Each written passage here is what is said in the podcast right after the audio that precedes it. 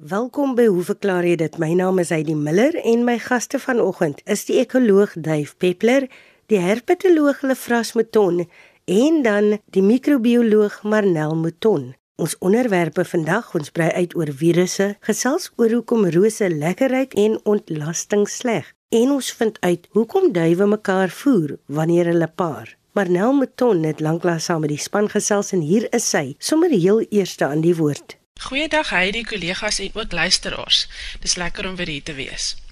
So ek het interessante brief ontvang um, van Sam Stroomfer van Johannesburg en hy het dit gerig aan 'n microbioloog. Dit lui as volg.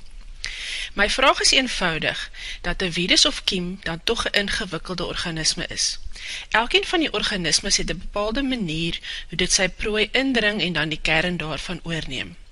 Die prooi het verskeie verdedigingsmeganismes ensovoorts.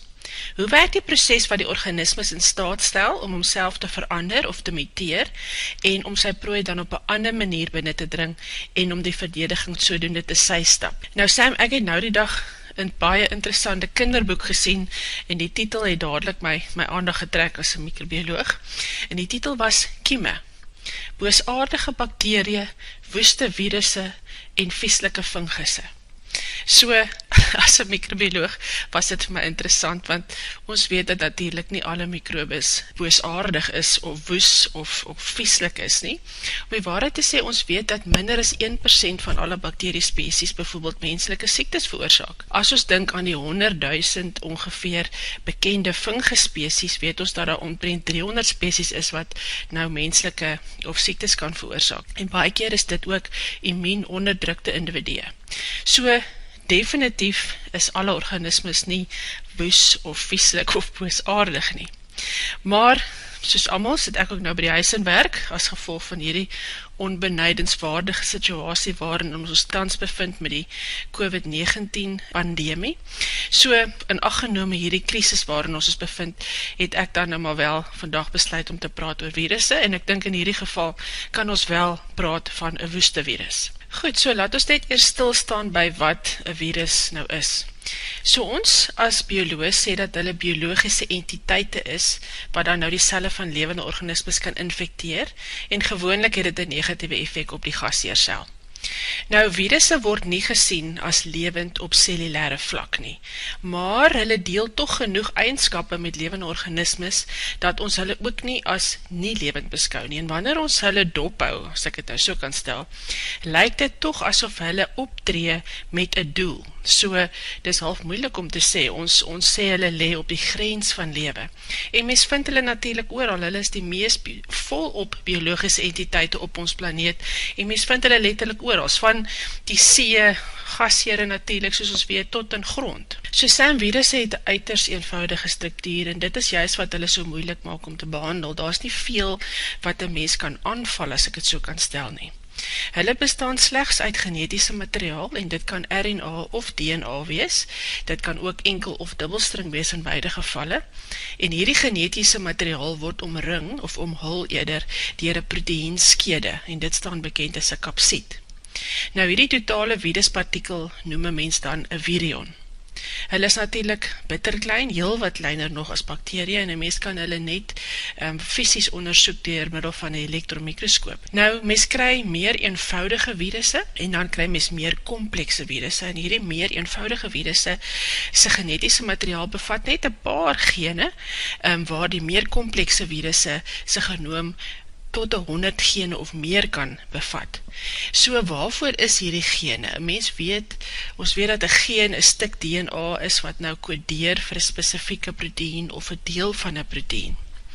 Nou hulle kodeer vir die proteïene, wat ons dan nou in die structuur van hierdie virus kry, gewoonlik iets in die proteinskede, maar ook hierdie, as mens bijvoorbeeld denk nou aan die coronavirus, dan weet een mens van hierdie uitsteekselkies wat een mens nou op hierdie prentjie sien, en dit is specifieke um, herkenningsproteine wat dan nou in hierdie omhulsel van die protein sit. En dis gewoonlik hierdie wat hulle gebruik om die gasheersel te infecteer.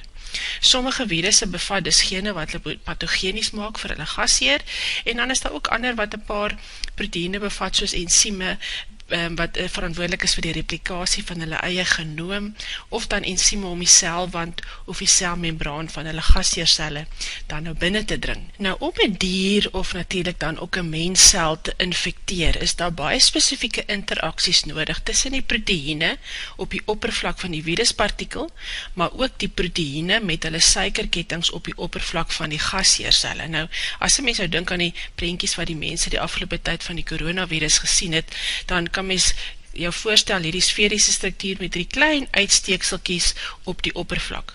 So hierdie um, interaksie is baie specifiek en dit sal dan nou verklaar hoekom sekere virusse net sekere species kan aanval. Met ander woorde, dus hoekom ons troeteldiere bijvoorbeeld nie vatbaar is vir hierdie coronavirus nie. So dit is dan verantwoordelik vir hierdie specifieke en beperkte gasheer reeks wat hierdie virus kan aanval. So hierdie cel oppervlakreseptore van die gasheersel het gewoonlik normale cellulaire funksie. So hulle sal bijvoorbeeld optree om een sekere een hormoon bijvoorbeeld te bind of sekere bestanddele wat in die cel ingeneem moet word. Maar virusse is letterlik meesters van verraad en hulle het oor al die jare in die evolutionaire processe het hulle eindskappe bekom wat hulle dan in staat stel om hierdie gasheersel letterlik te kaap. So, oor evolutionaire tyd het hierdie virus met ander woorde die vermoe ontwikkel, en dit is nou in die vorm van een baie specifieke proteïne op die oppervlak, om dan te bind aan receptor op die gasheerselse oppervlak. Nou die geval van die coronavirus het hulle nou gevind dat die specifieke receptor wat geteiken word, eindelijk een is wat daar is vir angiotensien, so hulle noem die ACE2 um, hormoonreceptor, en hierdie speel een gewoonlijke rol vir die vernauwing van jou bloedvate om jou bloeddruk te verhoog. Met ander woorde, hierdie virus bind dan aan hierdie, aan hierdie receptor, en dit laat dan toe dat die membraan om die virus versmelt met die membraan van die cel en sodoende word die genetiese materiaal van die virus dan vrygestel binnen in die gasheercel.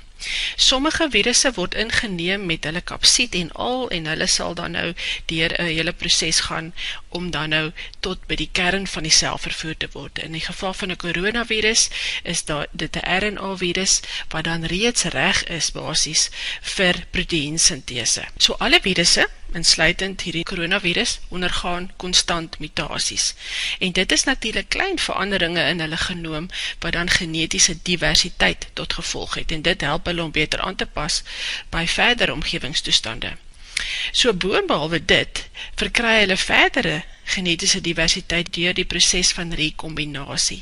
En dit is een proces wat hulle dan van nieuwe geleendhede letterlijk voorsien om selectieve druk te oorkom en aan te pas by nieuwe omgevings en ook nieuwe gasseere.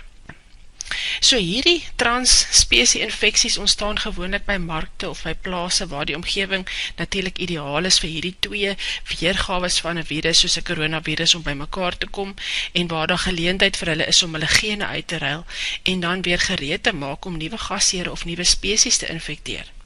So hierdie geen uitruiling kan selfs gebeur dier onskynlik um, ehm, redelijk uh, onskadelike activiteit soos, soos om aan een apie te raak by een mark. Het is ook al gevind dat twee variëteite van soe mikrobe in jou spijsverteringskanaal by mekaar kan kom en dan gene uitruil en verder ontwikkel in een nieuwe pathogeen wat jou dan nou natuurlijk die nieuwe aanstekelike gasheer sal maak. So, een voorbeeld daarvan is die 1918, die Spaanse griep, die Spanish flu, wat hulle sê, dit was een influenza pandemie afkomstig van voels, so dit was een H1N1 virus, wat letterlik oor die wereld gespoel het soos een tsunami. En hulle vermoed dat daar ongeveer 500 miljoen mense geïnfecteer was in daardie tyd, en dat ten minste 50, maar waarschijnlijk nader aan 100 miljoen mense gesterf het. Meer is enig ander siekte in die gedokumenteerde geskiednis in een kort tijdsperiode. Interessant genoeg is hierdie nieuwe coronavirus van ons die eerste keer geïdentificeer in, in 2019 december in Wuhan, um, alhoewel daar spekulatie is dat het waarschijnlijk vroeger uitgebreek het en waarschijnlijk by een seekosmark, dit is as die epicentrum um, vir ons dan deurgegee. Nou genetische toetse duid op dat die oorsprong van hierdie waarskynlik uh, siekte vleermuise kon wees. Uh, die enigste probleem is dat hierdie 'n seekosmark was en dat daar nie vleermuise daar verkoop is in elk geval nie. So 'n ander voorbeeld wat voorgestel het was dat dit miskien van 'n itermagog kon kom of die pangolin. Um, soos u weet dis 'n bedreigde muurvretende soogdierspesie, maar dit kon nie bewys word nie want die monsters wat hulle kon vat van die onwettig verhandelde itermagogs was nie nagenoeg aan die een wat ons nou sien nie. Ander 'n ander studie het weer slange ge, geïmpliseer, maar die meeste kenners het hierdie studie gekritiseer um, as dit nie dat dit nie waarskynlik sou kon wees nie. So ja, Sam, virusse is merkwaardige entiteite. Ons kan hulle nie regtig organismes noem nie wat merkwaardige aanpassings het um, om dan gasheer selle binne te dring. So in hierdie geval lyk dit wel of die vleermuis die mees waarskynlike kandidaat was um, om dan nou die bron van hierdie nuwe koronavirus te wees, um, met merkwaardige aanpassings wat hom uiters suksesvol maak in hierdie geval. Sam se tweede vraag was as volg: As 'n bepaalde virus of kiem se laaste mutasie dan suksesvol is, hoekom sê ons die siekte woed homself uit? As hy sy prooi bly doodmaak, is daar mos nie iets wat dit stop nie. Die prooi kry nie kans om sy verdediging aan te pas nie. Nie alle mense word geïnfekteer en oorleef om genoeg weerstand tot gevolg te hê nie. Op jou vraag van basies die sukses van 'n patogeen Sam, ehm um, dis 'n moeilike een om te antwoord as 'n microbioloog want ons moet onthou ons as mense se idee van patogene, uh, met ander woorde organismes wat siektes kan veroorsaak en hulle virulensie of hulle aggressiviteit is is eintlik effe eensydig omdat ons dit altyd uit 'n menslike oogpunt beskou. Met ander woorde, ons is 'n bietjie ons het 'n bietjie van 'n antroposentriese oogpunt daaroor. Ehm um, in die natuur is ons natuurlik deel van al die organismes. Ons is deel van hierdie groot sirkel van lewe. Ehm um, en in die natuur kry ons altyd lukraak interaksies met mekaar. Met ander woorde, die die feit dat um, jy 'n virus opdoen is eintlik 'n luk raak iets wat gebeur het. Dit is nie iets wat beplan is deur die virus as ek dit so kan stel nie. So tydens hierdie interaksies tussen mense en mikrobe speel die gasheer ook 'n rol. Met ander woorde, die gasheer moet vatbaar wees vir hierdie spesifieke kom ons noem dit nou maar 'n opportunistiese patogeen wat dit waarskynlik is. So daar's 'n paar ehm um, soos jy nou wel gesê het, 'n paar hindernisse wat hierdie patogeen moet oorkom. In die eerste plek moet hy eers jou kan koloniseer. Um, dan moet hy geskikte voedingsnis binne hierdie gasheer vind. Hy moet maniere vind om hierdie gasheer se immuunrespons te vermy en te omseil. Dan moet hy die die die vermoë kry om te repliseer binne in hierdie gasheer deur van die gasheer se meganismes um, gebruik te maak en dan moet hy ook weer 'n manier vind om hierdie gasheer suksesvol te verlaat. So dis nogal 'n mondvol. So daar moet baie aanpassings plaasvind voor dat 'n patogeen basies so suksesvol kan raak. So ons idees oor infektiewe siektes is basies gevorm deur ons helde in hierdie veld, ouens soos Louis Pasteur, Robert Koch en so voorts. So ons het daarom gaan glo dat die interaksies tussen mikrobes en menslike gasheer altyd basies 'n stryd is tussen die mikrobiese inname en die aggressiwiteit wat daarmee gepaard gaan en dan nou die arme gasheer se beskermingsmeganismes en so aan. Maar hierdie is 'n redelike eensidedige oogpunt soos wat ek nou probeer sê. Ons sal dus miskien meer onsself moet verstaan as deel van hierdie spektrum van lewe. En ja, moeder aarde het 'n manier om maar die balans baie keer te herstel. So of dit nou wel die geval is in hierdie geval, weet ek nie. Ons weet dat virusse selfs bakterieë inval en basies 'n baie belangrike rol speel om bakterieë in die omgewing te hanteer. So ja, die idee van of iets baie suksesvol is, hulle sê eintlik is die mees suksesvolle patogene een wat nie sy gasheer heeltemal doodmaak nie, maar eintlik dalk eerder kroniese infeksies tot gevolg hê. Want as hy die gasheer sou doodmaak, kan dit ook dan die einde van die van die patogeen beteken. So ja, dis maar 'n 'n spel van die lewe as mens dit so kan stel. So, um, ja, ek dink hierdie gee net vir my so 'n kykie na na woeste virusse en party van die ehm um, meganismes wat hier 'n rol speel. Dankie Marnel Mouton. Jy luister nou, hoe verklaar jy dit? Ons gaste vanoggend, die microbioloog Marnel Mouton het pas gesels en die ekoloog Dave Peppler is volgende aan die woord om oor reuke te gesels. Dag my kollegas en luisteraars. Ek het 'n brief ontvang van Hugo Knoetse wat ehm um, die volgende vraag: Kan die span die volgende verklaar? Rose ruik lekker. Dis aan ons die eerste keer as kind uitgewys as 'n lekker deur ons moeders. Menslike fisies daarenteen is aan ons uitgewys as vuil en 'n slegte reuk. Nou vra Hugo indien ons die uh, reuk kwaliteite van fisies en rose sou omgeruil het, so ons ooit die verskil geweet het. En dan vra hy verder, is daar 'n feromoonsensor in ons wese wat alles sal override en sê nee, dit is soos 'n roos moet ruik en dit is soos ontlasting moet ruik. Baie dankie vir hierdie wonderlike program. Nou ja, Hugo, kom ons begin 'n bietjie die omgewing of die fisiologie van reuk verken. Uh dit is netlik nou juist ter sprake met hierdie koronavirus dat een van die simptome blykbaar is die verlies van reuk en smaak. So, wat is olfaksie? Reuk of chemoresepsie vind plaas via die olfaktoriese stelsel.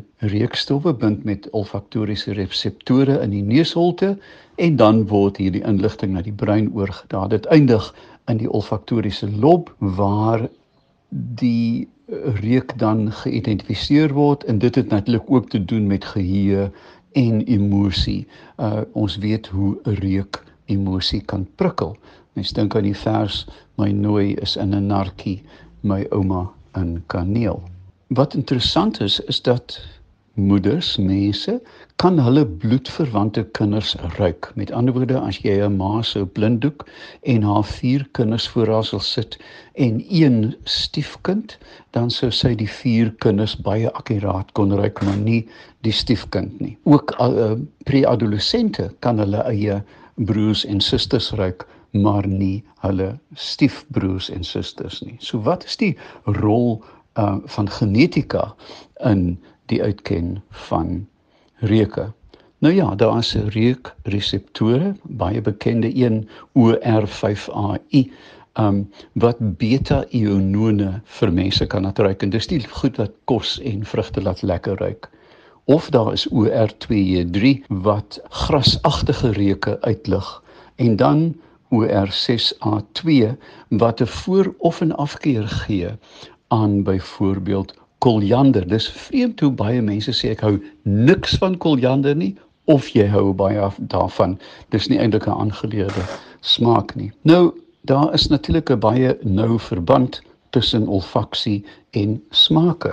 Nou die uh, retonasale reuk van geurstowwe, wel dit gebeur alles in die mond. Jy kou jou kos, die tong agiteer die gekoude kos En dan as jy inasem, uh, word hierdie bondel geurstowwe dan oor die neusepiteel uitgeasem en dis eintlik met die uitasem wat 'n mens dan die reuk waarneem. En met ander woorde dan dan met die uitasem neem die neus waar hoe die kos smaak. Die tong het natuurlik slegs 5 ehm um, geurkwaliteite uit te ken: sout, suur, ehm um, soet, bitter en die bekende umami waar die neus tienduisende reukstowwe baie akkuraat kan uitken. En daar is um, mense wat nou wil probeer bewys en ek dink hulle kan dit eintlik doen deur die epiteel te beskou is dat ons um, reuk sintuig is net so akkiet soos die van 'n hond. Ons oefen eenvoudig net nie genoeg daarmee nie Daar is natuurlik ook probleme met uh die waarneming van reuk, sogenaamde anosmie uh, wat kom met breinbeserings of bestraling waar jy niks kan ruik nie. Uh hiperosmie waar een reuk jou baie sal irriteer byvoorbeeld hiposmie ingeperkte reukvermoë ensovoorts. So daar's 'n hele reeks van afwykings in ons waarneming van reuke. Maar kom ons beweeg nou nader aan die vraag. Rose ruik sag kom ons gee die kwaliteite aan hulle. Bensilasetaat wat na pere ruik, ruik half gemiddeld, maar dan as jy aan asetone ruik, dan sit intens. Met ander woorde, jy kan sê 'n reuk is sag, minder uh sag en kliphard as dit kom by die sterk reuke. Reuke het natuurlik ook konteks, sosiale konteks, emosionele konteks, fisies en dan ook natuurlik semanties, hoe dit um verklarend binne die taal voorkom maar daar is altyd 'n emosionele konteks aan reuke. Byvoorbeeld die die reuk van vars gebakte brood. Ek meen vandag se kinders weet ongelukkig nie meer wat dit is nie, maar ouer garde sal onthou daai wonderlike streelende kwaliteit van varsgebakte brood wat vir die res van jou lewe by jou bly. Selfs in die uterus wanneer die baba ontwikkel, is die fetus al klaar geprikkel vir sigaretrook, alkohol, knoffel.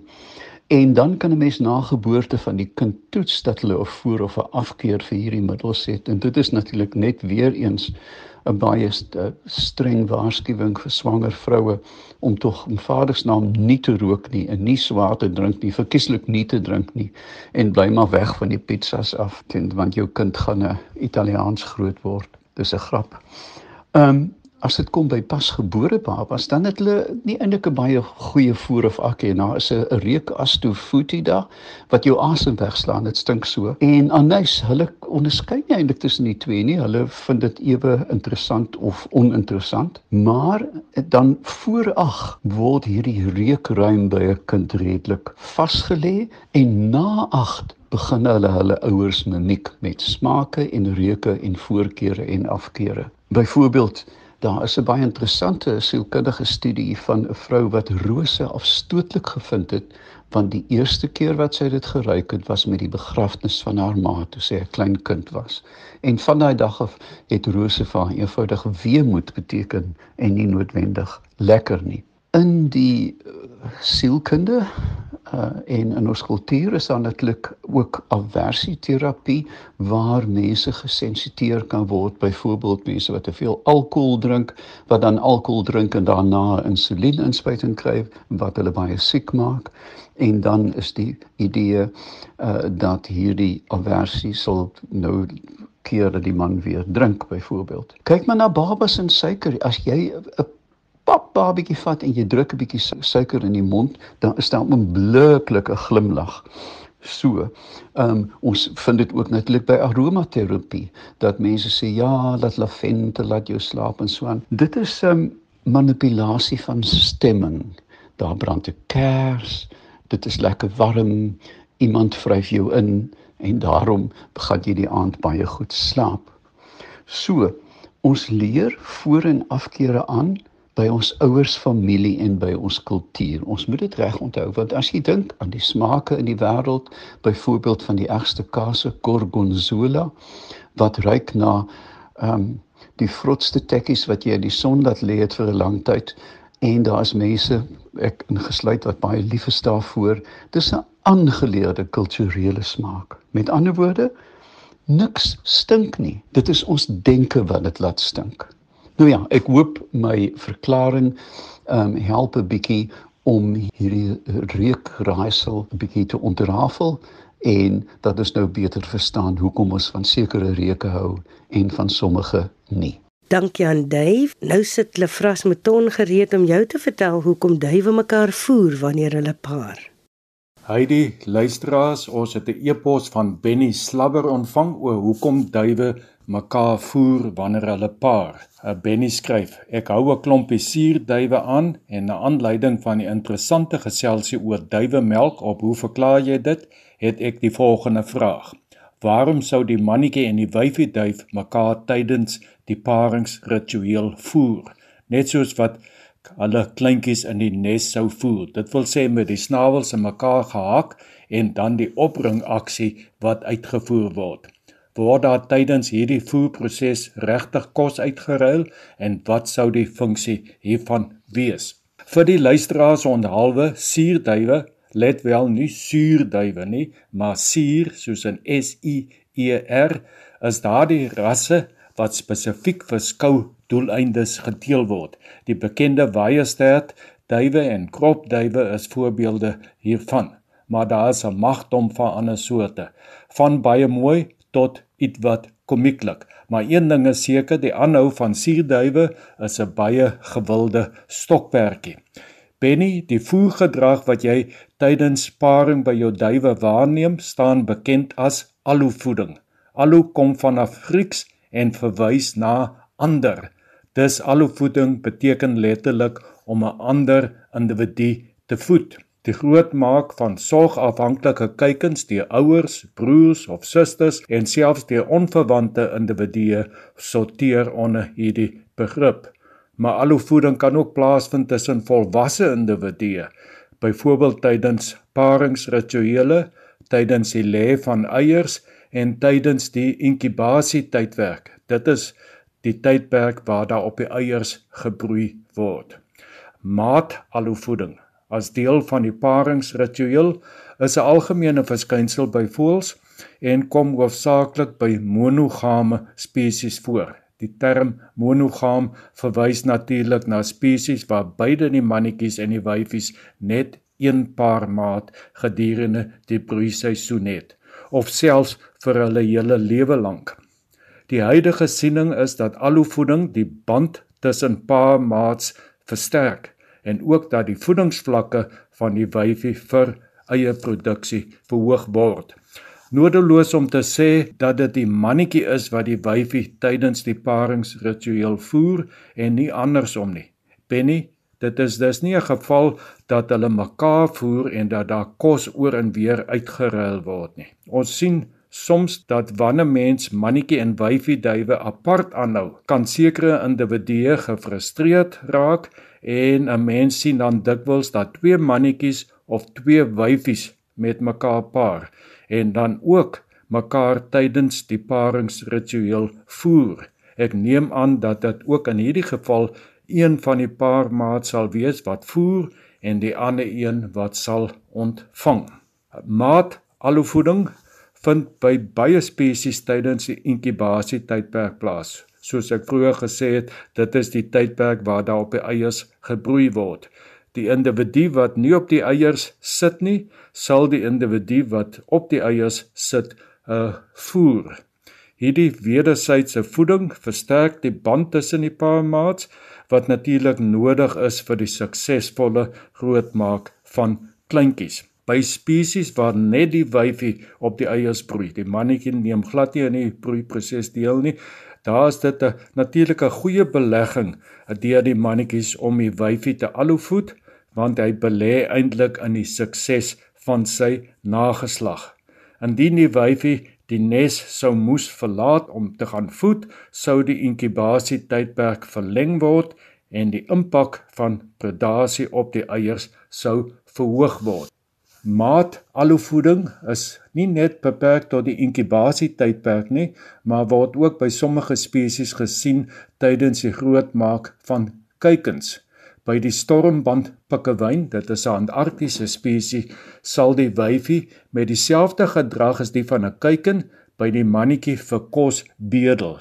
Deur die kant van die mannetjie se snavel te pik, stimuleer die wyfie hom om kos in haar oopgesperde bek op te bring. Daar is voorgestel dat hierdie gedrag uh dien soos tevore gemeld om die band tussen die paar maats sterk te hou. By die Arabiese katlagter, dit is 'n koöperatiewe broeier, uh vind ons dat die individue wat wat in die groep wat nie broei nie, selfs onvolwasse individue kleintjies in die nes sal voer. Maar baie interessant, 'n uh, individu van gelyke ontwikkelingsstatus kan ook mekaar voer om sosiale rangorde in die groep te bepaal. 'n Dominante individu kan byvoorbeeld sy sosiale status verhoog deur 'n ondergeskikte individu te voer. In dieselfde asem, 'n ondergeskikte katlagte verlaag sy status deur toe te laat om deur 'n meer dominante individu gevoer te word. Daar sal waargeneem dat 'n ondergeskikte katlagter kan weier om gevoer te word, in watter geval dit dan aggressie by die dominante individu ontlok, wat dan die ondergeskikte een met die vlerk sal slaan of hom sal jaag. Benny, om op te som, die voergedrag by duwe as deel van die paringsritueel dien om die band tussen die paarmaats te versterk en moontlik ook om die voedingsvlak van die wyfie vir die produksie van eiers te verhoog. Die gedrag waar volwasse voëls mekaar voer is nie beperk tot die paringsritueel van duwe nie, maar kom wyd versprei by voëls voor en ook in ander kontekste. Ons weet dat vlug energeties duur is en dit is veral by vlugvoëls baie belangrik dat daar 'n sterk band tussen paarmaats moet bestaan om te verseker dat mannetjies ook 'n bydrae tot die grootmaak van die kleintjies maak. Dankie aan die hoe verklaar jy dit span Marnel Meton, Dave Peppler en Lefras Meton. Ons groet tot aanstaande Sondag.